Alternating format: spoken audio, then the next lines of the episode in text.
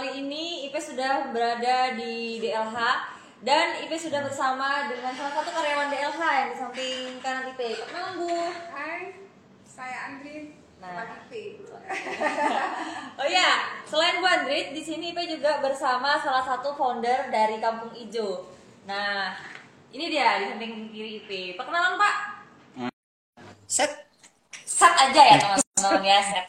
Oke, eh, sebelum membahas tema kali ini yaitu peran milenial eh, dalam menghadapi lingkungan nih. Eh, sebelumnya IP mau perkenalan.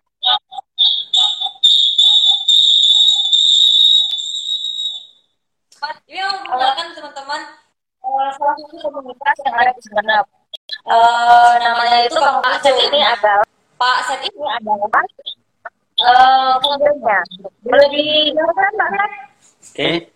Eh, dari ke kemarin pun banyak yang yang bertanya ya, apa itu kampung hijau gitu ya. Ini komunitas kan dari, sebenarnya ini komunitas dari komunitas anak-anak muda ya, yang punya kepedulian pada lingkungan gitu ya. Jadi ko- komunitas kampung hijau sebenarnya membawa spirit. Pertama spirit tentang misalnya.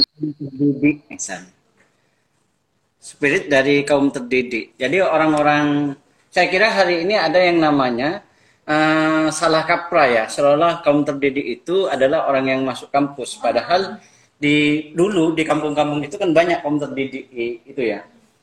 Apa itu kaum terdidik itu ya banyak belajar pada dirinya, banyak belajar pada orang lain. Bahkan kalau dulu tuh di Sumenap, kaum terdidik terdidik itu bisa dilihat dari cara dia menyuguhkan kopi. Jadi kalau ada orang menyuguhkan kopi dan dia betul dalam menyuguhkan kopi itu dianggap dia sudah memahami hidup. Oh tahu tata cara hidup, oh tahu tentang sopan santun, oh tahu tentang dirinya gitu. Itu dulu. Hari ini kan tidak, sudah direduksi ya. Jadi kalau kaum sudah sarjana itu bisa menjadi ter- terdidik gitu. Nah semangat dari Kampung Ijo sebenarnya mengembalikan mari kaum terdidik yang di kampung-kampung itu ya kita harus punya lebih kreatif, lebih aplikatif ya, lebih bermanfaat untuk orang lain gitu. Yang kedua semangatnya adalah semangat kesamaan, kesamaan tentang satu ya bahwa kita sama gitu, sehingga Kampung Ijo itu lebih ingin melatih sebenarnya tentang satu kepedulian. Kalau kita lakukan gitu dan lain sebagainya sehingga ketika ada persoalan di sekitar kita mari pedulilah kalau yang dalam hal ini kita juga konsen di lingkungan sehingga kalau lingkungan kumuh itu bukan persoalan sekedar oh ketika saya berkunjung misal ke desa A gitu terus di desa itu kumuh. Lalu kita membuli misal wah kok ini kumuh dan lain sebagainya. Seharusnya sikap kita bukan seperti itu. Tapi gimana? tapi bagaimana ya bagaimana kita menginformasikan mungkin atau mungkin mendorong pemerintah desa itu mari dong ini lingkungan karena ini sama. Artinya sama di mana pun kita berpijak itu lingkungan kita misalnya.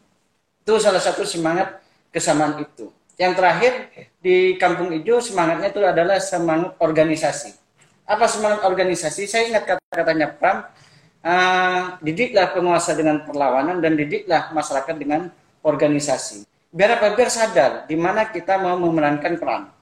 Hari ini maaf aja ini satu kesadaran kita di ruang-ruang yang begitu terbuka terutama di dunia digital semua orang berbicara sebebas-bebasnya tanpa dia sadar di mana dia memerankan itu ada satu yang yang di, dilansir gitu ketika orang sudah jarang atau orang banyak yang belum membe- yang bisa membedakan antara nyinyir sama kritik Hmm. Ya. Seolah kalau orang sudah nyinyir sama orang lain itu dianggap kritik. Mengkritik, kritiklah dengan yang namanya tanpa data dan lain sebagainya. Gitu. Nah, ini yang juga menjadi semangat dari kenapa itu? Karena orang sudah tidak paham gitu tentang satu organisasi di mana dia sebagai warga negara, sebagai warga negara biasa, sebagai kepala desa, misalnya sebagai RT, RW dan lain sebagainya, maka tugasnya akan berbeda. Misal hari ini ah, saya sering bertemu, misal ini di desa saya ini, di desa saya gitu ya, banyak sampah gitu. Sehingga hari ini ketika saya katakan, mari ki- kita ini harus selesaikan. Lalu orang berteriak, salahnya masyarakat sih. Apa salahnya masyarakat buang sampah sembarangan? Akhirnya saya bertanya, kok selalu masyarakat yang disalahkan? Ya kan? seharusnya ya bergantung pada perannya. Masyarakat itu kan orang yang sudah memilih pemimpin untuk dilayani. Ya seharusnya masyarakat mendapatkan pelayanan bagaimana sampai itu dikelola, sampai itu diurus, di, di, ditangani. Ah ini yang bagi saya di semangat di Kampung Hijau itu bagaimana kita belajar menjadi satu masyarakat sesuai perannya masing-masing. Kampung Hijau ya. Sehingga banyak anak-anak muda misal di Kampung Hijau ini uh, semangatnya adalah semangat itu gitu ya. Semangat yang memperhatikan lingkungan gitu ya, semangat untuk belajar berorganisasi misal apa tujuan organisasi? Banyak orang yang mengatakan organisasi itu adalah seolah ingin jadi politisi. Ya kan? Ya, ya. Banyak soalnya kalau kita aktif di organisasi tertentu nanti kita jadi anggota DPR gitu. Padahal bagi kampung itu tidak, tidak seperti itu. Jadi orang paham organisasi itu adalah dia mampu menempatkan dirinya. Itu ya. Kalau misal kita sebagai seorang petani ya mampu menyampaikan gagasan-gagasan kita kepada satu negara, kepada satu pemerintahan itu ya tentang tani. Tentang tani, hmm. itu loh. Uh, kalau kita sebagai seorang mahasiswa yang menyampaikan uh, gagasan-gagasan itu ya bagaimana mahasiswa itu menyampaikan itu, itu. Atau mungkin uh, saya teringat juga misal tentang filmnya Hugo Chavez, almarhum Hugo Chavez ketika dia itu uh, kali pertama jadi presiden, apa yang dikatakan? kalian harus membaca undang-undang negara ini. Biar apa? Biar kalian tahu apa hak dan kewajiban kalian sebagai warga negara. Kalau itu tuh memang hak kalian perjuangkan, kalau itu kewajiban kan kepada negara, maka lakukanlah sebaik-baik. Kalau kalau istilahnya Tan Malaka itu sebenarnya kita nggak perlu mempropaganda orang lain, tapi cukup menyadarkan tentang hak dan kewajibannya, maka biarlah masyarakat itu yang berjuang tentang hak dan kewajibannya itu maka kaum terdidik tinggal mendampingi saja. Hal-hal semacam ini yang ada di semangat di Kampung Ijo gitu. Nah, kembali kepada persoalan Kampung Ijo, terutama tentang lingkungan ini, teman-teman, uh, kami konsen gitu ya, bahwa lingkungan itu tidak hanya berkaitan tentang hutan. Lingkungan itu tidak hanya berkaitan dengan uh, apa selokan dan lain sebagainya, tapi lingkungan itu juga berkaitan dengan sense kita, kesadaran kita. Itu Iblis diusir dari surga karena dia tongkak. Hari ini kita merasa kalau kita merusi sampah, waduh apa deh itu sampah gitu. Soalnya kalau kita merusi sampah kita jadi sampah gitu. Padahal sampah itu dari kita. Hampir setiap hari yang namanya sampah kita memproduksinya dan kita tidak mau mengurusi yang namanya sampah itu. Ya bagi kampung itu itu congkak gitu. Ya kan? Kalau kita nggak mau mengurusi sampah, padahal sampah itu yang kita produksi, ya kan? Kalau misal ada yang bertanya, sampai kapan sampah itu akan selesai urusan sampah di dunia? Ya kalau sudah kiamat selesai. Kok bisa? Karena setiap hari sampah kita mau produksi sampah. Setiap pagi ada yang namanya ke kamar mandi misal. Minimal kencing lah. Kencing itu kan sampah eh, itu. Terus kita tiba-tiba manusia yang dianggap peradaban karena gelar dan anunya tiba-tiba tidak mau mengurusi bagaimana sampah itu gitu ya. Ya bagi kampung itu itu kalau ada orang yang sudah tidak peduli sampah, tidak mau mengurusi sampah, itu namanya tongkak. Hmm, hmm, hmm. Jadi gitu ya? uh, bisa IP garis bawahi. Jadi Kampung Hijau ini adalah organisasi ya Pak ya, organisasi yang bergerak ke peduli terhadap lingkungan. Tapi nggak cuma di situ, nggak cuma uh, sekedar peduli lingkungan, tapi kita juga gimana uh, mengedukasi, menjadi peran kita sebagai masyarakat, sebagai uh, kaum terdidik juga tadi untuk bisa uh, menyadarkan kaum masyarakat, ayo dong kita sadar lingkungan ini bukan cuma uh, uh, milik masyarakat atau bukan milik pemerintah, tapi ini milik kita semua. Jadi ayo kita bersama-sama jaga lingkungan kita. Itu ya Pak ya? Nah itu itu. Kira-kira uh, kalau apa? Kalau di Kampung Hijau pada teman-teman, uh, terutama di teman-teman milenial itu ya, kita berharap uh, ya marilah sadar itu ya. Artinya sadar bahwa berbicara lingkungan itu bukan sekedar kita berbicara tentang orang lain, tapi berbicara lingkungan itu tentang nasib kita. Misalnya. Nah, saya ter, ter, teringat misal ketika kita membangun rumah, ya hari ini banyak orang ketika membangun rumah yang penting rumahnya bagus, walaupun di depannya itu ada comberan, misalnya. walaupun di sampingnya ada selokan yang mampet dan lain sebagainya, banyak yang tidak peduli. Padahal kalau yang namanya misal ya ini mau, mau bercerita tentang satu saya agak berbahagia ketika di di awal tiba di Sumeneb gitu dan bertemu dengan anak-anak muda yang punya semangat di, di lingkungan. Kenapa seperti itu? Karena hari ini misal begini di kota-kota besar yang mampu eh, apa membawa spirit kemajuan itu rata-rata dimulai dari anak muda gitu. Kepedulian anak muda gitu ya. Tapi saya juga miris ketika ini saya ingin membandingkan misal uh, kota Surabaya nih misalnya saya lama di kota Surabaya. Semakin di Surabaya dibangun taman-taman hari ini kalau kita kan sebenarnya punya taman luas ini ya. Kalau Sumeneb kan tamannya luas. Tapi kalau Surabaya kan tamannya terbatas, terbatas. sehingga uh, pemerintah Surabaya itu kan membangun taman-taman ya gitu.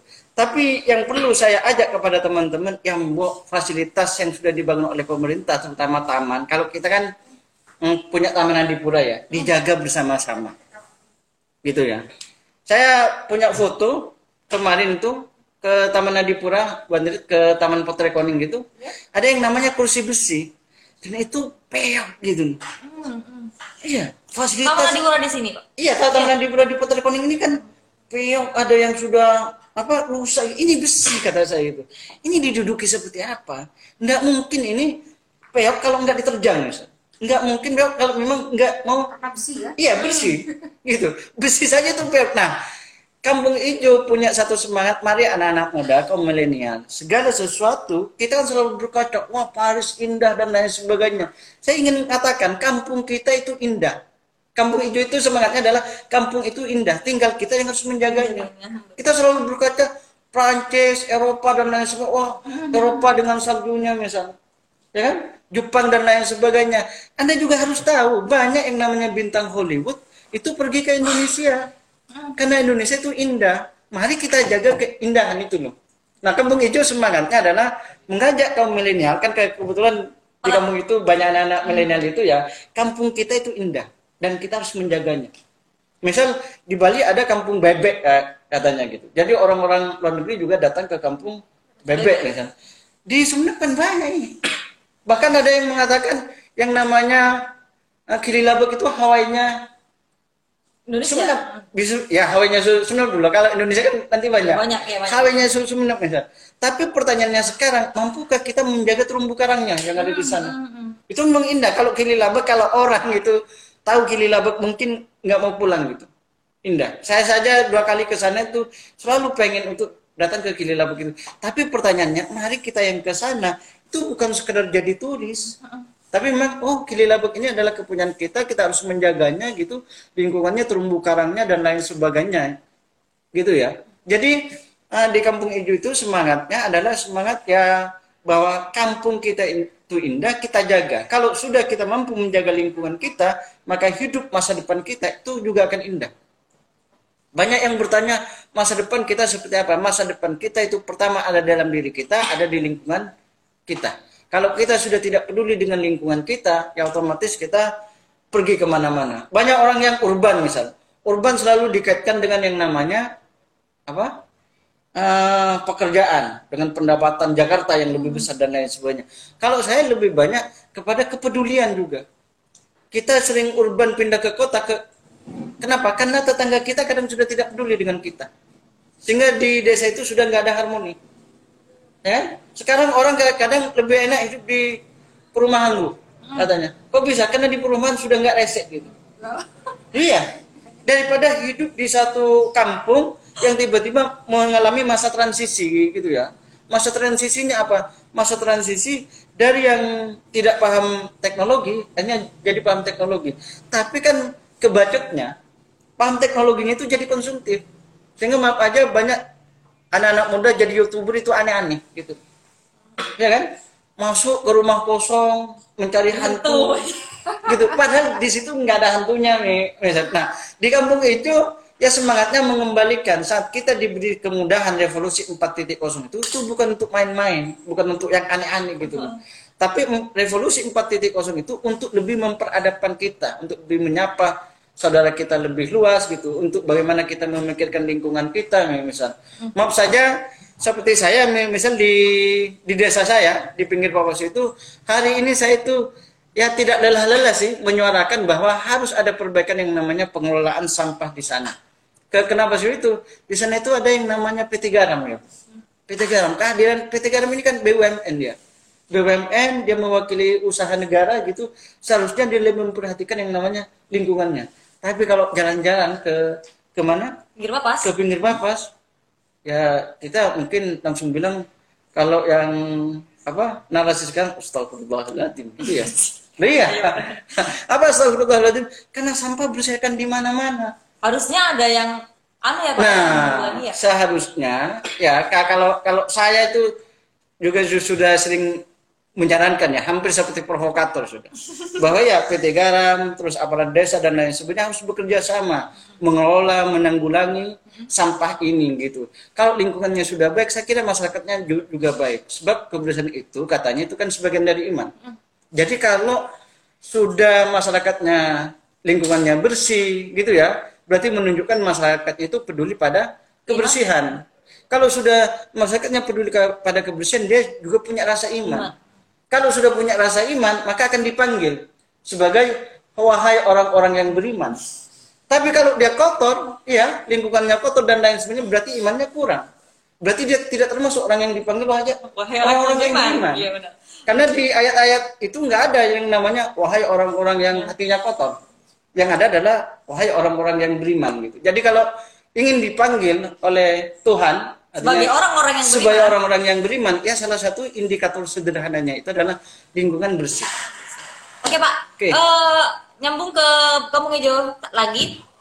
Uh, tadi sudah sedikit dijelaskan ya pak. Hmm. uh, kegiatan-kegiatan kampung hijau ini apa saja? Tapi IP pengen lebih detail dong. Program-program uh, kampung hijau ini program kerjanya apa saja? Oke.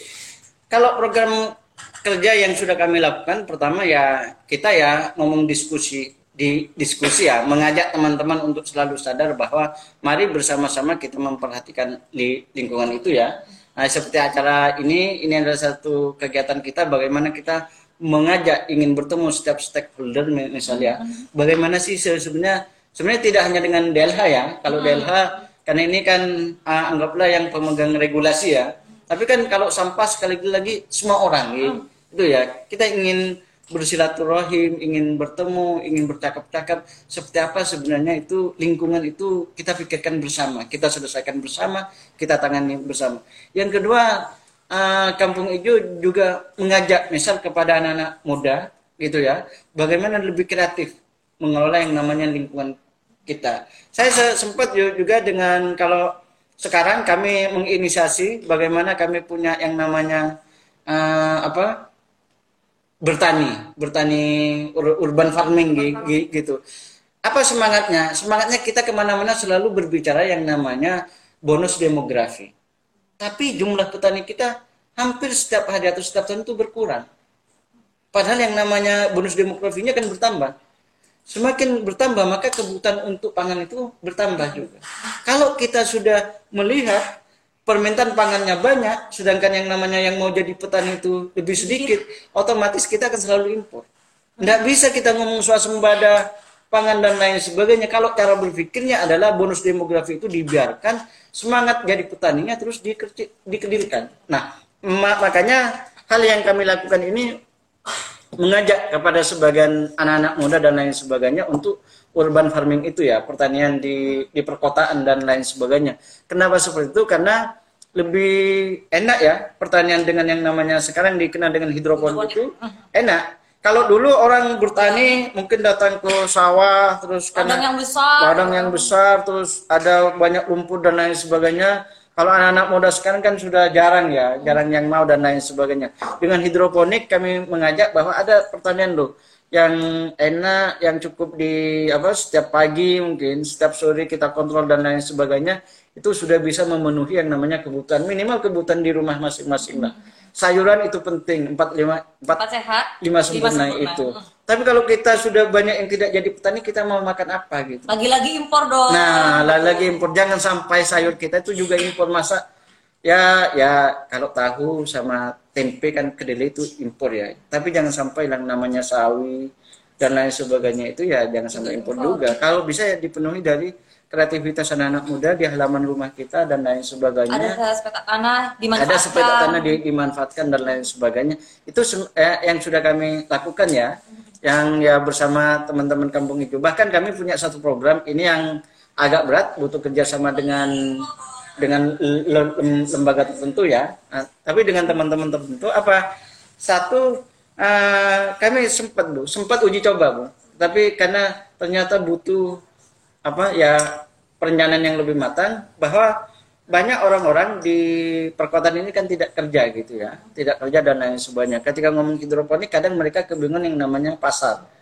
Akhirnya kami sempat merancang satu program itu, bagaimana kalau ada orang sudah tidak kerja, entah pensiunan misal, terus dia punya peta tanah yang bisa di- digunakan, kita fasilitasi, kita dampingi, pasar kita yang menyediakan, sehingga mereka cukup menjaga apa, menjaga Hidroponik, tanamannya, uh-huh. hidroponiknya, kita yang yang memasarkannya. ya memasarkan I- itu buat apa ya I- ini kan anu biar juga kalau membayangkan kalau kota sudah banyak yang menanam tiba-tiba banyak tumbuhan dan lain sebagainya saya yakin kualitas oksigennya juga bagus. Ya kan? Di samping oksigen itu juga bertarung dengan yang namanya polusi kan gitu. Tetapi dengan banyaknya tumbuhan-tumbuhan itu saya yakin oksigen akan semakin membaik gitu. Nah ini program kami sempat uji coba tapi ini apa kendala terutama uh, perjuangan itu ya seperti kata kata Pram lagi kebenaran itu tidak bisa tidak buk, apa bukan seperti membalikkan telapak tangan gitu tetapi kebenaran itu harus diperjuangkan. Dan kami meyakini bahwa dengan mengajak kepada teman-teman untuk apa untuk urban farming itu satu kebenaran di dalam menjaga lingkungan itu gitu. Dan kami akan memperjuangkan itu. Sehingga teman-teman mendiskusi ulangi itu apa mencoba merefresh kembali bahwa perencanaan kita terlalu gegabah kalau langsung mendampingi orang maka yang pertama-tama untuk hidroponik ini kita perkuat lebih dulu internet dulu. Modal kita ya apa diperkuat baru nanti kita mencoba merambah ke, kembali ke orang-orang yang mungkin sudah pernah tugas sehingga dia punya tanah tapi dia bingung tentang pasar dan lain sebagainya kita mau mencoba itu. Ya harapannya harapannya ke depan karena kampung hijau itu terbuka gitu bisa bekerja sama terutama anak-anak muda ya bisa bekerja sama sehingga kami bisa bersemangat kami punya jaringan dan lain sebagainya. Kalau istilah kerennya sekarang kita harus berkolaborasi. Gitu. Hmm. dan kampung hijau siap berkolaborasi dengan siapa saja. Selama itu pertama-tama untuk bersama-sama memperhatikan lingkungan itu ya. Bersama-sama untuk kemajuan bersama bersama-sama untuk Ka- kalau saya sekali lagi kampung hijau punya semangat tanpa kepedulian tanpa kepedulian sekali lagi kita tidak akan merdeka. Seandainya para pejuang kita tidak peduli tentang nasib masa depan kita mungkin kita tetap terjajah. Nah belajar dari father kita kan gi- gitu se- se- semangat kebangsaannya. Semangat kebangsaannya. Apa? Ke semangat peduli pada orang lain. Peduli kepada masa depan generasi itu. Kampung hijau belajar. Bukan di di kampung hijau orang yang peduli tidak. Di kampung hijau kami ingin belajar untuk belajar peduli pada lingkungan pada orang lain.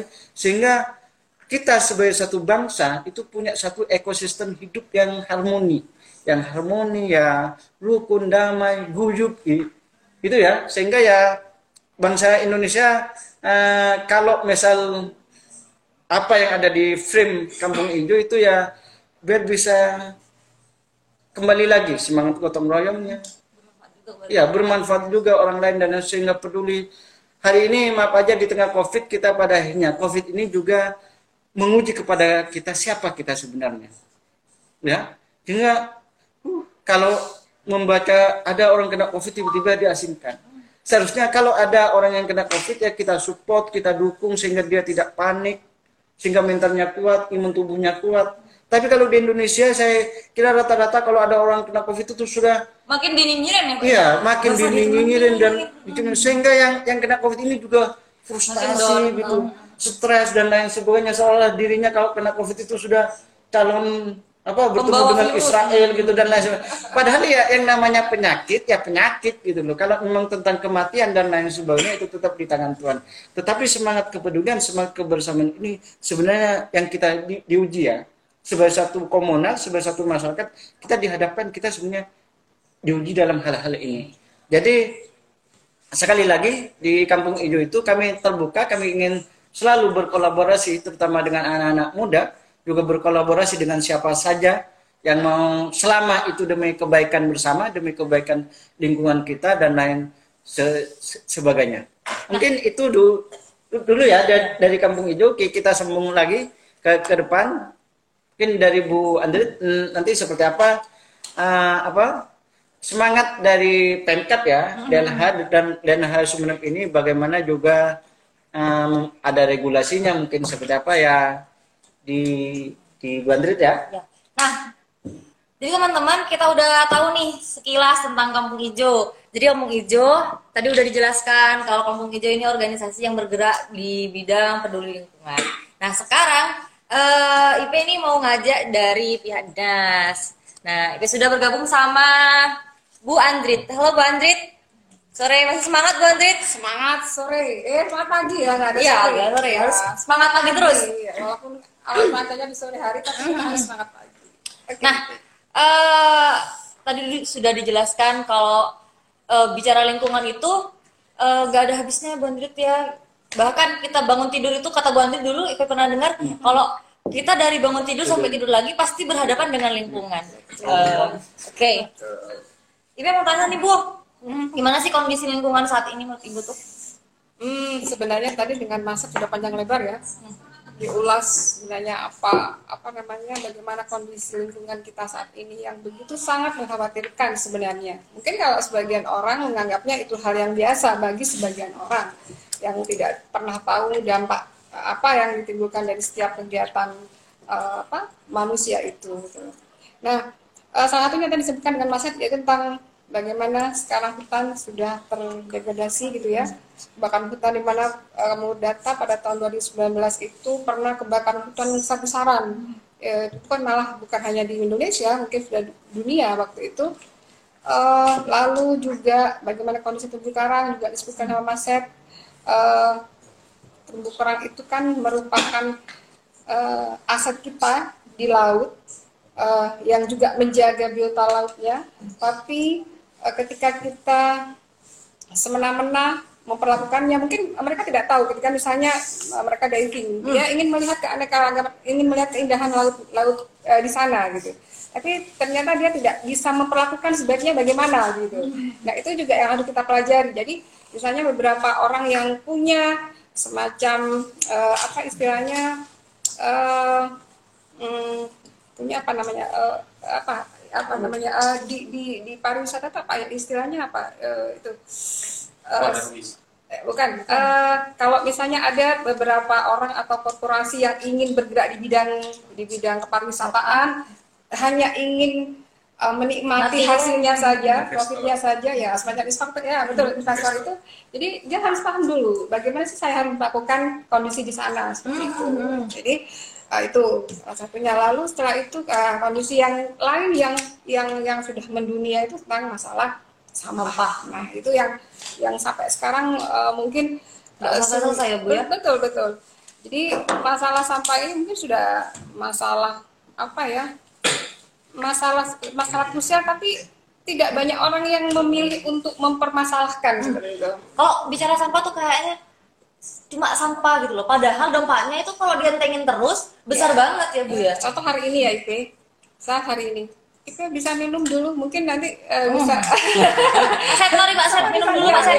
Ya, coba bisa minum. Jadi hari ini saya tidak pernah, saya ingin tidak mengeluarkan sampah Plastik. eh, terutama seperti itu ya. Bisa ya, Bu, Jadi, ya? eh, silakan.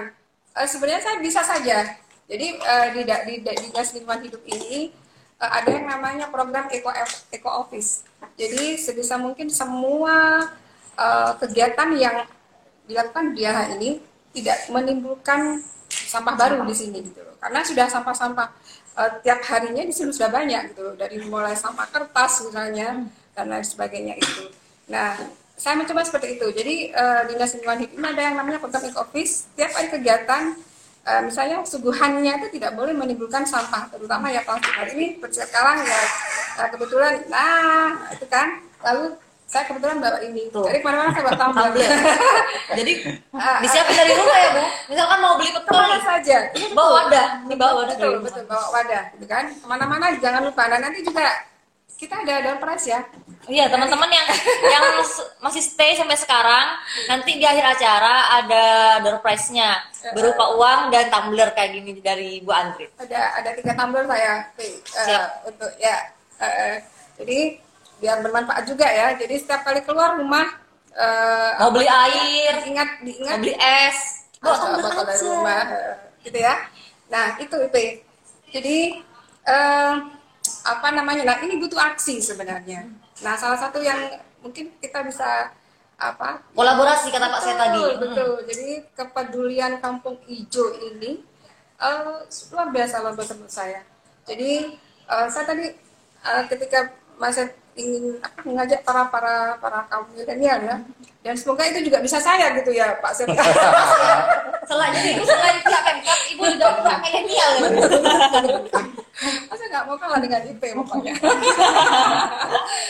Eh, mengajak kaum milenial ini bagaimana bisa tidak hanya berpikir tentang senang-senang gitu loh. Oh. Oh, walaupun sebenarnya di dalam ber, ber- berkegiatan itu juga senang-senang sebenarnya seperti itu. Jadi tadi yang disampaikan dengan apa eh, urban farming itu eh, saya sepakat. Jadi itu adalah salah satu contoh ketahanan pangan kita, menjaga ketahanan pangan gitu loh. Di mana di era pandemi ini mungkin kan orang dibatasi geraknya, dibatasi. Misalnya kalau kalau dulu kita ke pasar itu kan bebas saja kita nggak pakai masker dan lain sebagainya. Tapi kalau sekarang kan sudah dibatasi. Nah, nah terkadang ya dengan eh, dengan dengan dengan teknologi itu kan juga sudah bisa tinggal buka ini, tinggal buka gadgetnya. Oh, kampung hijau, ya kampung hijau ternyata ada ini eh, membuat pemasaran tentang apa namanya tadi itu? Hidroponik. Hidroponik. ya Hmm. itu kan bisa gitu tinggal tinggal seperti itu. Nah itu juga menjaga ketahanan pangan itu menjaga paha- ketahanan pangan tadi.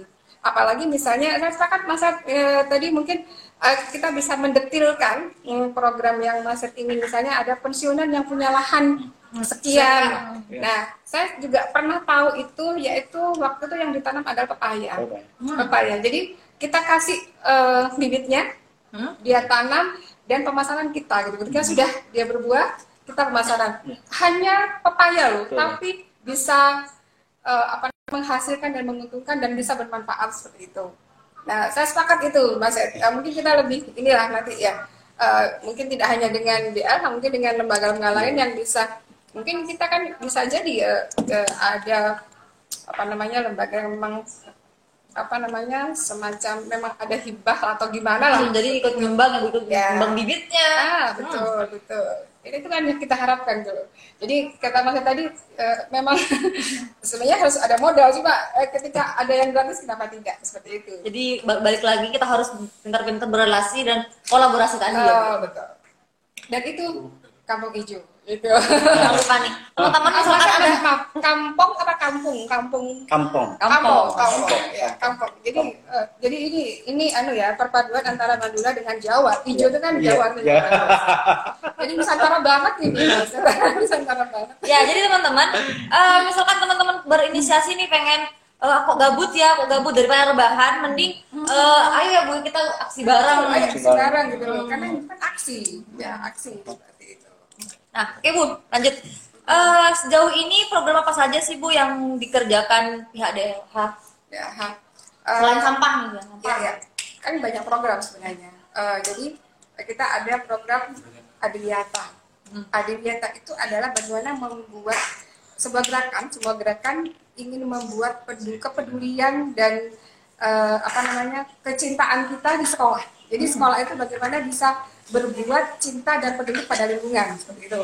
Nah, eh, kegiatannya, program, apa namanya, bentuk kegiatannya macam-macam. Jadi semuanya di sana dari kurikulumnya harus berbasis lingkungan, lalu kegiatan gerakan dan aksinya juga harus berbasis lingkungan seperti itu. Itu di sekolah, namanya Adiwiyata. Di Sumeneb sudah berjalan. Sudah banyak, malah itu ada tahapan. Adiwiyata itu ada dari kabupaten, provinsi, nasional dan mandiri. Setelah mandiri kita bisa juga mengajukan ke Eco ASEAN School namanya. Itu tingkat ASEAN seperti itu Itu diperlombakan juga tadi. namanya bukan lomba tapi tapi apa ya semacam sebuah program penghargaan saja. Hmm. Jadi kalau di lingkungan itu tidak ada istilah lomba, Lomba. karena kalau lomba, lomba, kan sekarang dilombakan selesai. sudah. Oh, heeh. Jadi ada di Wiata itu kalau di sekolah. Nah karena kenapa di sekolah? jadi eh, mungkin eh, se, se, se- apa namanya dengan dengan kegiatan hari ini yaitu peran milenial. Kenapa dipilih sekolah? Karena memang sekolah ini menjadi ujung tombak kita, yaitu anak-anak itu ya untuk eh, bagaimana bisa berbuat kebaikan untuk dunia ini sejak sejak dini gitu. Makanya dipilihlah sekolah. Jadi mulai kurikulumnya harus berbasis lingkungan semuanya. Jadi eh, di mata kul- di mata pelajaran itu ada semuanya yang terintegrasi dengan lingkungan. Wajib ada sekolah yang beradiwiyata harus seperti itu. Sekarang sudah banyak. Bukan sekarang sejak tahun 2013 kita sudah punya sekolah-sekolah yang adiwiyata sampai hari ini. Sekolah-sekolah di Sumeneb yang sudah di Wiata itu sekolah apa aja? Kalau rasion, kalau yang mandiri sudah SMP satu Sumeneb misalnya, lalu eh, SMP yang yang terakhir ini yang sudah mandiri itu adalah SMP 2 Salongki. Nah itu nanti ayo kita kapan jalan-jalan ke sana juga melihat bagaimana komitmen sekolah itu untuk bisa Menjaga. menjaga lingkungannya dengan cara cinta dan eh, apa namanya peduli kepada lingkungan seperti itu. Itu itu untuk sekolah di Yata. Lalu program lainnya misalnya ke pesantren. Jadi di pesantren juga ada eh, bagaimana sebuah pesantren itu juga bisa beramah lingkungan. Sama isinya juga sama seperti itu. Lalu eh, ada lagi apa ya setelah eh, Oh. Adipura, Adipura itu bagaimana membuat kota sehat, gitu loh, kota sehat. Nah, kota sehat ini sana kan Maset. Jadi bagaimana kepedulian manusianya yang di sana itu bisa berbuat baik kepada lingkungan, gitu loh. Jadi memang berbicara lingkungan tidak tidak semua orang mau ya, karena mungkin hasilnya tidak langsung bisa terlihat. Menanam sekarang baru anak cucu yang menikmati gitu kan. Iya. Eh, ber- begitu pun ketika kita berbuat jahat kepada lingkungan gitu, berbuat dolim kayak bilang seperti itu ya, Iya. Bre buang sam- buang sampah di sungai misalnya. Yang menikmati ya mungkin bukan yang orang membuangnya, tapi orang-orang sekitarnya yang tidak tampak oleh dia sendiri Iya, seperti itu. Jadi hal seperti itu mungkin yang agak dilengahkan, agak diabaikan gitu loh sebagian banyak orang karena memang tidak selalu tampak langsung. juga. betul seperti itu. Nah, eh, bicara tadi tentang kepedulian masyarakat terhadap lingkungan, sepertinya perlu kesadaran ya Bu ya. Kalau kalau nggak sadar ini susah banget buat peduli gitu. Eh, dari pihak dalam sendiri ada nggak sih Bu program untuk menyadarkan masyarakat gitu? Ya, kami kebetulan punya kader. Nah, kader ini menjadi pan- kepanjangan tangan kita sebenarnya. Nah, eh, menumbuhkan kesadaran eh, betul kata ibu itu, jadi memang harus dimulai dari cinta dulu. Apa-apa itu harus cinta dulu. Ketika kita sudah cinta terhadap sesuatu itu, mau apa saja itu mudah gitu. Ya kan, itu itu eh, formula sederhananya seperti itu. Kepada siapa saja, entah kepada tumbuhan, hewan, apalagi kepada manusia seperti itu. Jadi eh, harus cinta dulu. Yang harus di apa namanya di di, di, di kan dengung-dengungkan adalah cinta dulu, cinta dulu. Jadi menumbuhkan kesadaran itu cinta dulu. Bagaimana untuk cinta? Eh, jadi eh, contohnya, contohnya ya, Pian. contoh, contoh. Eh, mungkin tapi manusia ini gini manusia ini kan memang eh, pada dasarnya harus dipaksa. Mungkin IP kan biasa belajar psikologi ya. Paksa kalau di itu yang masa jangan mereka kan Iya, tidak iya. ya, dipaksa. Kalau nggak dipaksa nggak bisa manusia. Jadi harus dipaksa dulu. Dipaksa dulu dipaksa untuk cinta. Nggak masalah kalau untuk kebaikan gitu loh tidak tidak masalah kalau menurut saya gitu Iya iya benar-benar. ketika sudah dipaksa akhirnya dia tum- eh, timbul menjadi kebiasaan ketika dia kebiasaan dan akhirnya bisa menjadi teladan dia sendiri kan bagi orang lain seperti itu nah itu yang harus harus selalu tumbuhkan gitu harus eh, dibiasakan kepada kita semuanya dan itu tidak mudah memang kata Mas sudah membalikkan tangan memang Jadi harus dipaksa, diulang-ulang dan harus diulang-ulang jangan bosan. bisa dan terbiasa. Ya, betul Jadi Bisa bisa dan terbiasa. Gitu, seperti itu Pi. Eh, Mungkin ada yang mau tanya, misal dari Oke teman-teman, ada yang mau tanya nih? Oh Ngomong iya, satu lagi Pe, mungkin sekarang eh, kalau eh, anak-anak milenial kan biasanya sudah dengan teknologi ya, Gadgetnya. Nah mungkin ini mas yang juga eh, eh, mungkin mungkin bisa Iya. dilakukan di kelompok hijau ya. Eh, apa semacam tantangan, challenge, challenge Iya. ya, eh, tantangan misalnya, ayo kita buat sa- misalnya satu minggu atau satu bulan kita harus minimal membiasakan diri dengan cara bebas sampah Bebas dulu gitu loh. Jadi misalnya dari rumah gitu loh. Iya. Terus kita posting gitu kan. Nanti ada juga ada door prize-nya, ada hadiahnya. Itu mungkin yang juga bisa membuat kita menjadi biasa seperti itu. Itu bisa dilakukan mungkin Mas. Jadi hari ini eh, apa sikat giginya harus dari bukan dari plastik misalnya. Ada kan sekarang kan Dari dari kayu. dari kayu. Nah, itu mungkin salah satunya. Hari ini semuanya dari mem- memposting sikat gigi yang bukan dari plastik misalnya seperti itu. Hari ini kita melakukan eh, penanaman pohon misalnya. Kalau misalnya mau eh, lainnya, lainnya. Tapi kalau misalnya konsepnya di plastik, di plastik di sampah, ayo di sampah dulu gitu loh. Misalnya seperti itu.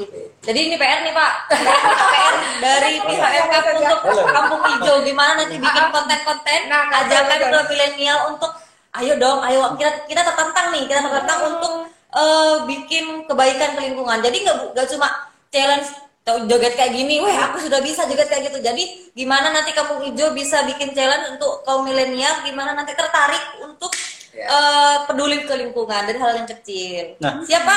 Oke. Eh, Ada yang yang apa?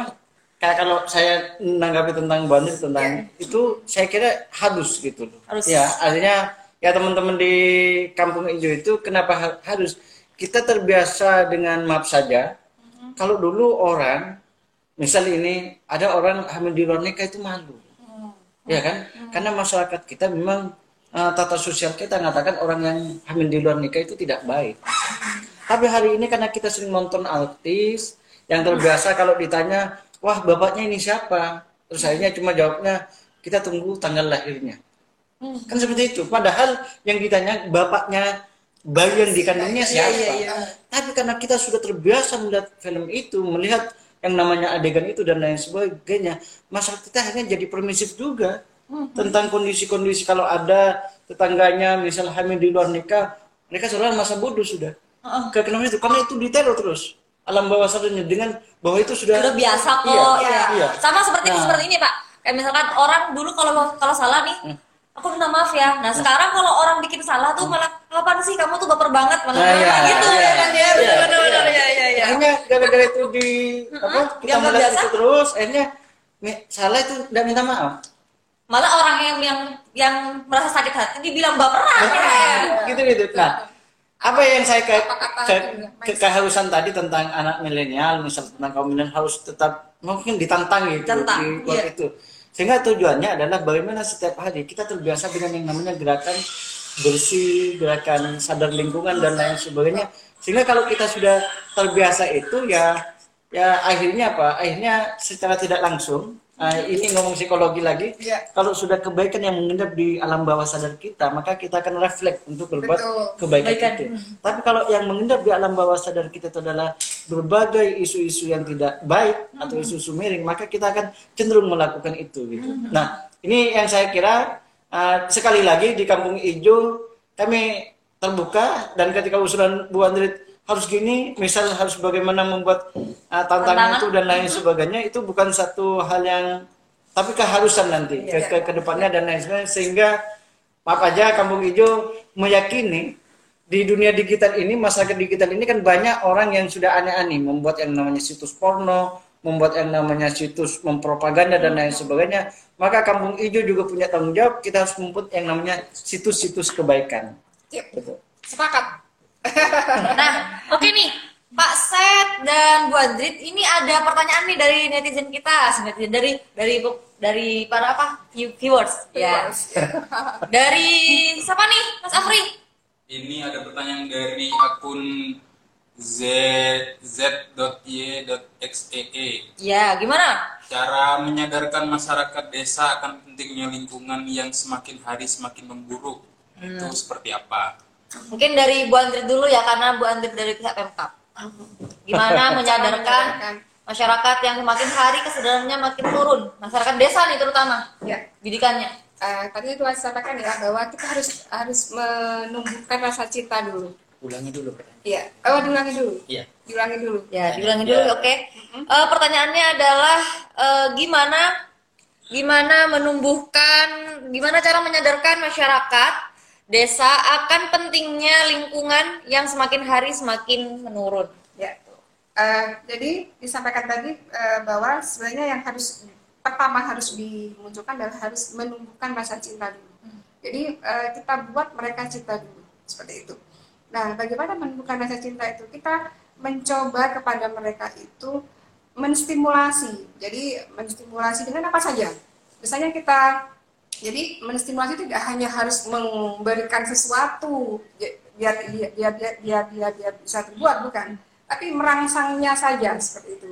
Jadi merangsangnya merangsang misalnya uh, uh, misalnya uh, tentang ke sesuatu apa kondisi yang dalam keadaan apa namanya um, sama yang apa namanya istilahnya uh, sebuah lingkungan yang kumuh misalnya gitu ya kumuh gitu. Apa yang dibutuhkan oleh masyarakat di situ?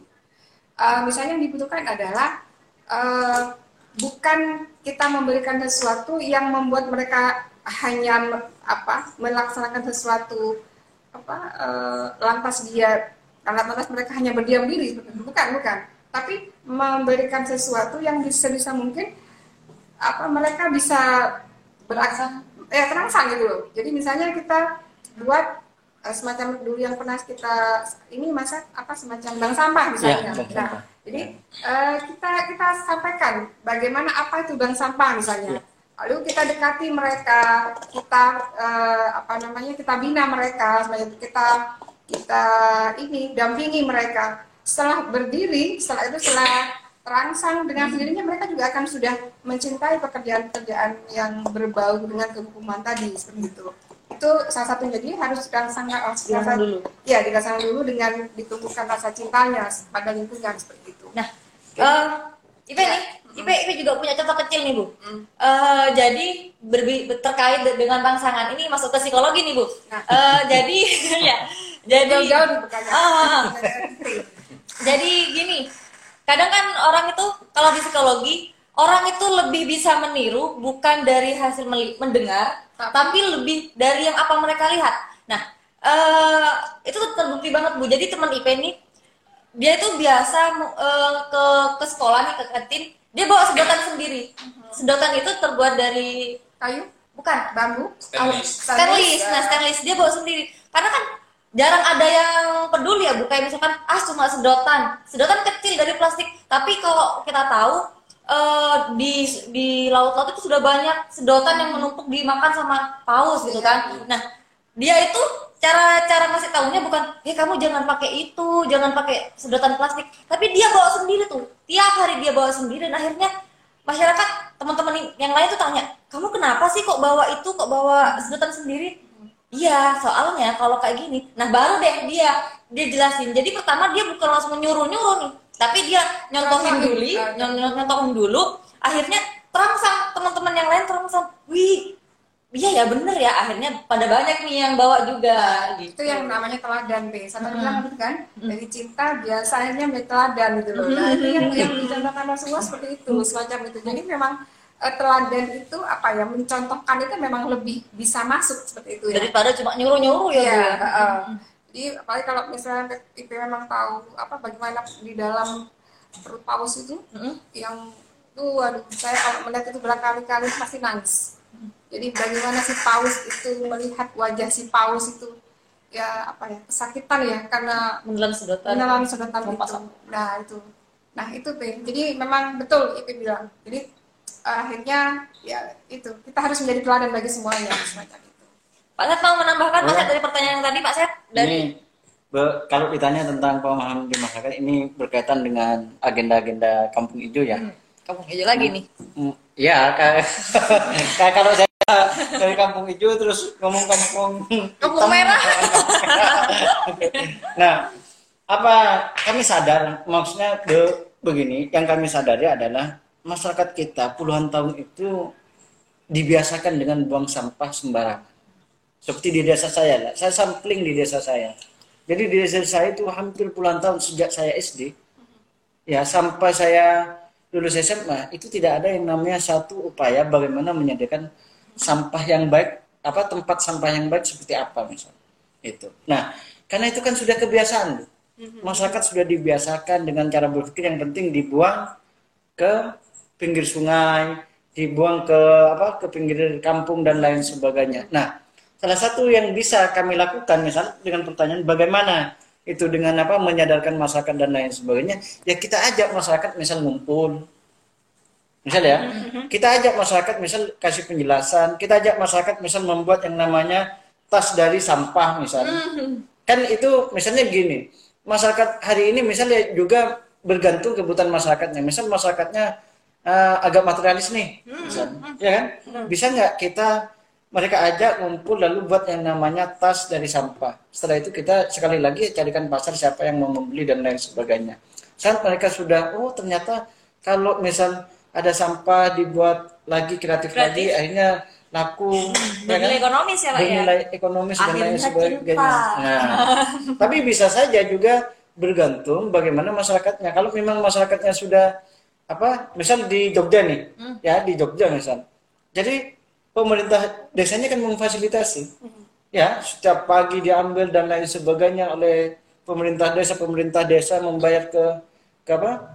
ke tukang sampah gitu, lalu meminta yang namanya cumpitan ya, kalau kalau tidak salah. Bagaimana setiap malam itu ada yang namanya uang 500. Jadi petugas anu kan keliling rumah-rumah ambil 500 itu untuk uang keamanan sama kebersihan itu. Itu di Jogja. Saya kira ketika seperti itu akhirnya orang juga berpikir. Artinya berpikir kalau di sini kan selalu mengatakan, wah itu sulit Kak, kalau dilaksanakan di kampung kami. Sumbangan demi sampah dan lain sebagainya. Ya bergantung kan penjelasannya seperti apa. Masyarakat itu rasional. Selama penjelasan kita rasional dan memang bisa dipertanggungjawabkan, masyarakat kita masih pasti mendukung. Nah, di Kampung i- ini yang pada akhirnya apa yang harus di- dilakukan menyadarkan masyarakat? Ya kami ingin banyak bertemu dengan masyarakat menyapa dan lain sebagainya bercerita bahwa mereka juga harus mendapatkan cerita inspirasi kebaikan tentang bagaimana di Malang misalnya Eh, ada orang misal gerakan sedekah sampah. Kalau selama ini kita harus sedekah dengan uang menyisihkan uang saudara. Padahal mau ada yang bertanya bagaimana kita bersedekah? Sedangkan untuk makan saja kita Susah. susah. Akhirnya kami mau mengatakan tenang, Tenang. gitu ya. Kalau anda punya botol plastik, punya apa gelas plastik, yuk ini bisa di- Sedekahkan. disedekahkan. Iya. Nah itu Gitu. masuk tantangan tadi tuh. Mas. Nah, Iya. masuk ke tantangan. Nah, iya, iya. jadi, di- jadi kita buat challenge yang Eh, seminggu atau sebulan, ya. salah satunya itu tadi. Nah, itu, Jadi eh, sedekah tiap sampah. Jumat, sampah tiap Jumat, Sampah. misalnya ke masjid. Nah, bisa kan gitu. seperti itu kan? Iya. Nah, nah, dibuat challenge saja mungkin. Nah, ini i- yang saya se- sempat ju- juga sama Bu Andret, kalau sudah urusan sampah kan sama dia lah ya. saya sempat mendampingi Bank Sampah. Bank Sampahnya sekarang ada dan lain sebagainya walaupun ya kadang sekali lagi kan kita tidak bisa apa berbicara kebenaran itu seperti membalikkan telapak tangan. Hmm, ketika mereka sudah berjuang dan lain sebagainya mungkin lelah, ini lagi off misalnya. Tapi saya tetap berbicara ke- kepada me- mereka itu terus lakukan itu dan lain sebagainya. Kita harus cari cara. Ya salah satunya bagaimana meyakinkan orang bahwa sampah ini persoalan bersama, sampah ini bisa kita kelola, sampah ini adalah ancaman kita kan gitu. Sampah ini tantangan, potensi dan lain sebagainya. Itu harus mampu kita yakinkan secara terus menerus itu. Kebaikan itu harus terus ditikamkan kepada alam bawah sadar kita. Kalau cuma sekedar maaf saja, setiap kepala desa cuma berpidato, tapi nggak ada upaya bagaimana mengumpulkan masyarakatnya, menjelaskan, undang Bu Andrit bagaimana sampah ini sakjane piye toh. Misalnya. Iya kan? Kan seharusnya seperti itu. Bukan tiba-tiba setiap berpidato ini adalah kesalahan masyarakat buang sampah sembarangan. Ya kalau pemimpin cuma sekedar bisa menyalahkan masyarakat, kami nggak perlu pemimpin. Justru pemimpin itu dipilih untuk menyelesaikan Menyelesaikan. ini dengan kepala dingin, dengan regulasi, dengan dana desa yang besar. Tolong dibuatkan regulasi yang baik, tolong buatkan aturan-aturan yang baik sehingga pertemuan-pertemuan masyarakat itu lebih enak, lebih apa ya? Bisa diterima juga ya Pak ya. lebih bisa diterima juga maaf aja. Ini akhirnya kan ngomong ke mana-mana tapi mu- mu- muaranya juga berbicara kesadaran masyarakat terhadap lingkungan. Salah satunya apa? Selama ini kalau kita ngomong tentang dana desa tentang pembangunan desa yang penting infrastrukturnya baik infrastrukturnya bagus. Tapi tidak mau tahu entah selokannya itu sudah sudah apa sudah bersih entah itu mampat dan lain sebagainya tidak mau tahu itu itu. Padahal kita setiap yang namanya pembangun itu kan harus memperhatikan lingkungan itu. Misal. Nah, ini yang juga anu apa? hmm, yang akan kami lakukan ya di, di Kampung Hijau. Se- Sekali lagi kami terbuka kepada Iya.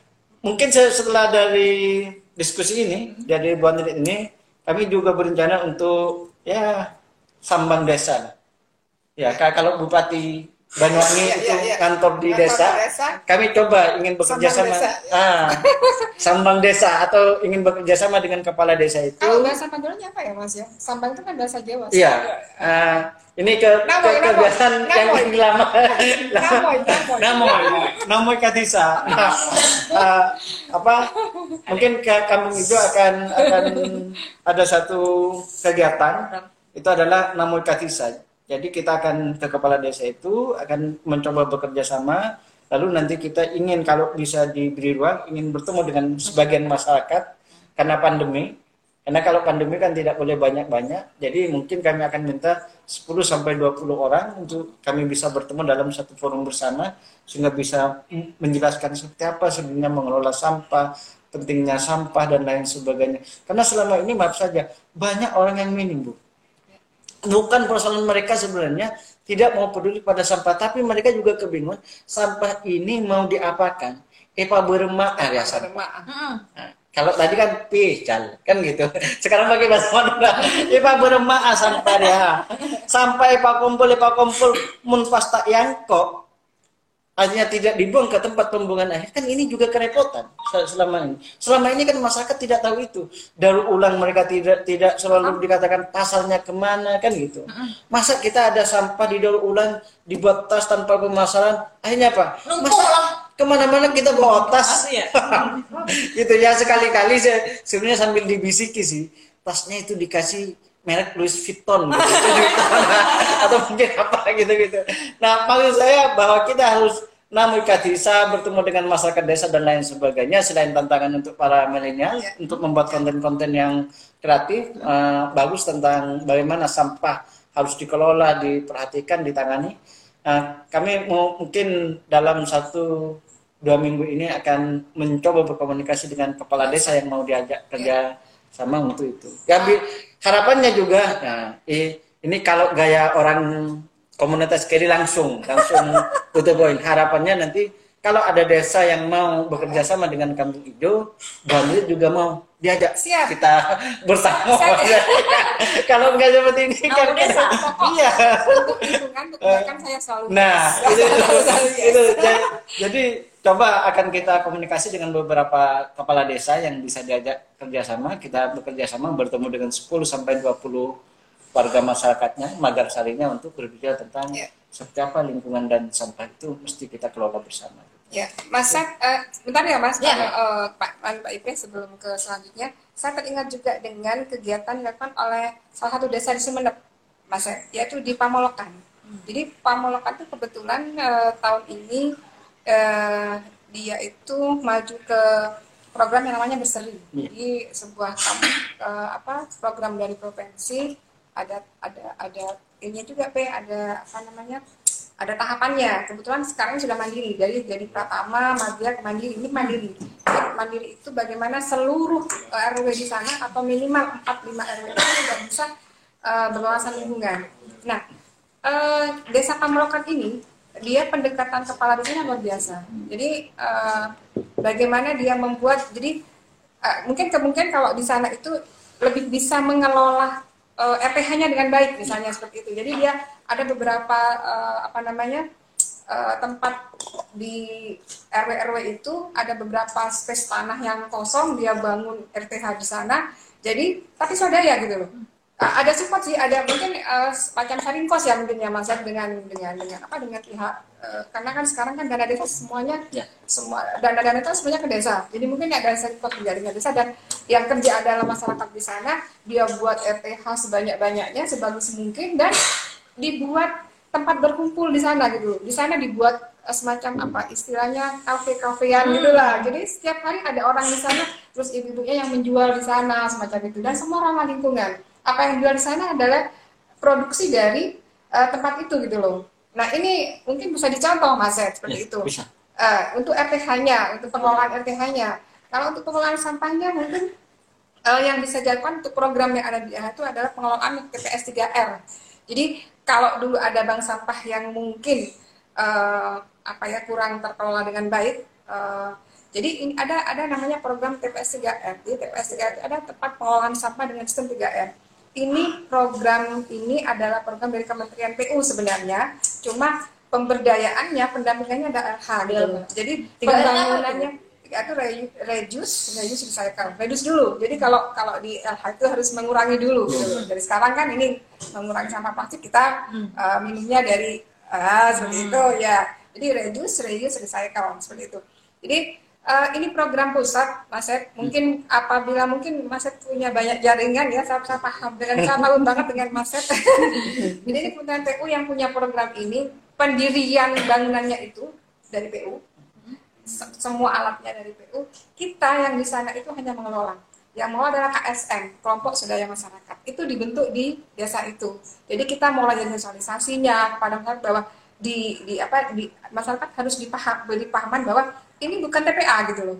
Tapi ini pengolahan sampah gitu loh. Jadi modelnya adalah sampah itu kan masyarakat sekarang kan enggan nih meskipun gaungnya adalah harus memilah, harus memilah, tapi karena masyarakat modern sekarang yang mungkin terlalu sibuk dengan apa ya dengan kegiatan-kegiatannya jadi mereka susah untuk memilah akhirnya uh, di, di dalam program ini adalah uh, ada KSM itu ada sekelompok masyarakat yang yang mengelola itu uh, petugasnya mengambil mengambil sampah-sampah itu ke, ke masyarakat tapi masyarakatnya berkewajiban untuk membayar iuran gitu loh. Biasanya tidak banyak sih. Tidak banyak tidak banyak. E, kalau saya yang tahu yang sudah berjalan di Malang itu di e, Talang eh, bukan Talang Agung Mulia Agung itu adalah dua puluh ribu kalau nggak salah. Dan e, pengurusnya itu ini mas ya e, apa benar-benar apa namanya ya diberi apa istilahnya benar-benar di ini loh mbak mbak Ipe. Uh, maksudnya kesejahteraannya itu dipenuhi gitu. Petugasnya itu petugasnya ya, Bu? dari tes kesehatan gratis tes kesehatan. Karena kan berhubungan dengan sampah gitu kan. Jadi ini juga salah satu cara untuk mengurangi sampah yang masuk ke TPA jadi yang masuk ke TPA itu hanya adalah sampah reduksi apa re, uh, residu saja sampah yang sampah. nggak bisa di ya residu itu sampah sisa gitu loh. Seperti misalnya puntung rokok itu udah nggak bisa diapa-apain kan gitu. Jadi sampah-sampah yang memang sudah tidak bisa di di 3 M kan gitu loh di reduce itu seperti itu. Jadi uh, itu mungkin masa bisa ada link ke sana uh, atau bisa ke Cipta Karya juga karena ini masuknya ke Cipta Karya Mas nanti pemberdayaannya jadi pembinanya adalah LH gitu loh. Jadi kami sekarang tidak lagi bisa membangun itu itu sudah kewenangan PU gitu loh dia adalah uh, itu TPS 3R jadi mungkin kalau untuk masyarakat pendidik atas tinggi kapas itu ini apa namanya uh, pas lah kira-kira kalau misalnya uh, dengan dengan dengan tipe masyarakat yang semacam itu gitu. Ya. itu mungkin ya oke yang terakhir nih ada pertanyaan Pri? ada pertanyaan lagi oke ada Pri? Oh ada sudah kayaknya ada. Ya. Hah? nggak ada um, itu. Oh oh, oh habis ya? Dari Vianolita bisa tolong dibacakan Mas Sofri oh ya dibacakan sendiri. Dari Vianolita V underscore V. Hmm, untuk berarti bermakna dan berguna apakah untuk hari ini Kampung Ijo itu punya solusi? Punya solusi atau program yang khusus? Itu Pak. Uh, pertama-tama program kami mengajak kepada semua kaum milenial untuk ya gabung ke Kampung Hijau, ngopi bareng, diskusi bareng dan lain sebagainya sehingga kita punya semangat yang sama, punya kesadaran yang sama, punya perspektif yang sama tentang hmm, penanganan pengelolaan sampah itu gitu ya. Ya terutama menjaga ling lingkungan. Yang kedua, uh, program kami ya ada yang namanya hidroponik. Hidroponik ini adalah mengajak juga kepada anak-anak muda untuk sebenarnya semangatnya membuat kampung-kampung itu kita menjadi hijau gitu. Ini sudah dilakukan. Nah, titik pertama sudah kami mulai di pinggir Papas, yang kedua ini masih yang kami persiapkan itu di Kaliangat. Jadi kalau memang teman-teman juga ingin bergabung dengan program karena kami masih terbatas, maka kami mengurus internal dulu tapi dengan tidak apa tidak menutup kemungkinan untuk bekerja sama dengan Masyarakat. terutama teman-teman muda gitu ya Hmm, yang terakhir yang bisa kami lakukan untuk sementara itu ya namui katisa atau kalau Sambang yang desa. di Jawa itu sambang desa Eh, bisa-bisa aleng ya alengki katisa bisa-bisa nanti di Pamolokan apa kata Bu Andrit itu bisa saja nanti kita juga Ajak. bertamu ke sana sehingga banyak orang tahu bagaimana desa Pamolokan sampahnya itu dikelola. Karena mohon maaf karena eh, apa yang saya katakan mohon maaf hal-hal yang baik seperti itu kadang kurang yang namanya orang mengapresiasi. Ya cuma sebagian orang yang tahu bahwa misal desa Pamolokan punya garapan seperti ini di apa RT hanya seperti itu dan lain sebagainya saya kira ini perlu disiarkan juga kepada kepala desa yang lain. Kalau kalian mengatakan tidak bisa kenapa Pamolokan bisa? Ya kan? Kalau misal wah gini-gini ya seharusnya sebagai kepala desa tanya dong sesama kepala desanya. Bertelepon bagaimana sih caranya strateginya? Karena kalau sudah menurut masyarakatnya itu baik saya kira ya pasti kan kepilih lagi kepilih lagi kan kalau ngomong kepala desa kan ngomong politik ngomong politik itu selalu ngomong bagaimana sekarang anda bekerja demi kebaikan untuk bersama gitu Nah seharusnya tidak ada alasan bagi kepala desa saya tidak bisa. Kalau memang anda tidak bisa, tidak tahu caranya, silakan anda bertelepon kepada kepala Kepala desa, desa yang, yang bisa. berhasil itu. Seperti apa? Tolong diajari saya. Gitu. Jangan sampai tetap menggunakan satu konsep seolah saya penguasa desa, desa apa kata saya gitu. Padahal masyarakatnya sudah bisa belajar kepada desa yang lain. Maka program-program kami ini untuk sementara saya kira itu karena masih teman-teman ini teman-teman muda masih jumlo-jumlo itu ya Ka- kalau saya baru melepas jumlo ya. Kayak gitu. Ini su- sudah lama menjomblo tapi sejak di Kampung Ijo akhirnya dituntut untuk melepas jumlo karena kampung itu harus ada kepala kampung. Kalau kepala kampungnya itu jumlo kan enggak enak. Nanti Ijo itu dianggap ikatan jumlo kan gitu. Kami tidak mau kampung itu itu dikatakan ikatan jumlo maka harus ada yang tidak jumlo gitu. Gitu itu itu itu hal-hal yang yang bisa kami sharingkan kepada teman-teman kami bagikan kepada teman-teman. Silahkan kalau misal mau bergabung artinya bergabung sekedar kita berbicara dan diskusi ada satu persoalan di desa kalian masing-masing kita diskusikan bersama. Kebetulan kita juga bersyukur ada Bu Andrit yang dari daerah ini mau menerima kita secara secara terbuka gitu ya mau bekerja sama dan lain sebagainya. Sehingga teman-teman eh, eranya kan berbeda Bu. Kalau dulu walaupun ada dinas-dinas apa kita kan takut mau ke dinas gitu ya. Iya tapi hari ini kita sudah bisa bertemu dengan misal dengan Bu Andrit. Misal kalau dulu mau ketemu seorang seperti Bu Andrit wah itu nunggu-nunggu apa nunggu seolah nunggu keajaiban gitu, gitu ya. Ya kan? Tapi hari ini ki- kita karena sudah memasuki era milenial gitu ya. Era keterbukaan. Nah, semua orang dilihat karena kerjanya karena prestasinya bukan karena kedudukannya itu ya. Karena sudah banyak orang yang duduk Iya. karena sudah banyak orang yang duduk. berat berat. Kalau orang masuk sih berat. Gitu gitu. Saya, saya, saya, saya- apa? Mm, sekali lagi ki- kita bersyukur mendapatkan Bu Andret menerima kita saja. Ini kan support eh, gitu ya. Support yang luar biasa eh, gitu ya. Saya, kami lebih percaya diri dan lain sebagainya. Kalau Bu Andret bisa ditemui ketika kami namo ya kami aling ke Katisa kan pasti juga bisa selama kita ya ngobrolnya menyampaikannya secara baik-baik saya kira itu yang bisa saya sampaikan kepada eh, akun Vion Vianolita underscore V. V. Oke, itu Mbak V eh, jabaran dari founder dari Kampung Ijo. Eh, selanjutnya Ipi mau ngingetin kalau besok ada door prize. Pengumumannya besok. Jadi syarat kalian untuk mendapatkan door prize itu cukup kalian em, meresum saja dari kegiatan yang sudah dibahas hari ini.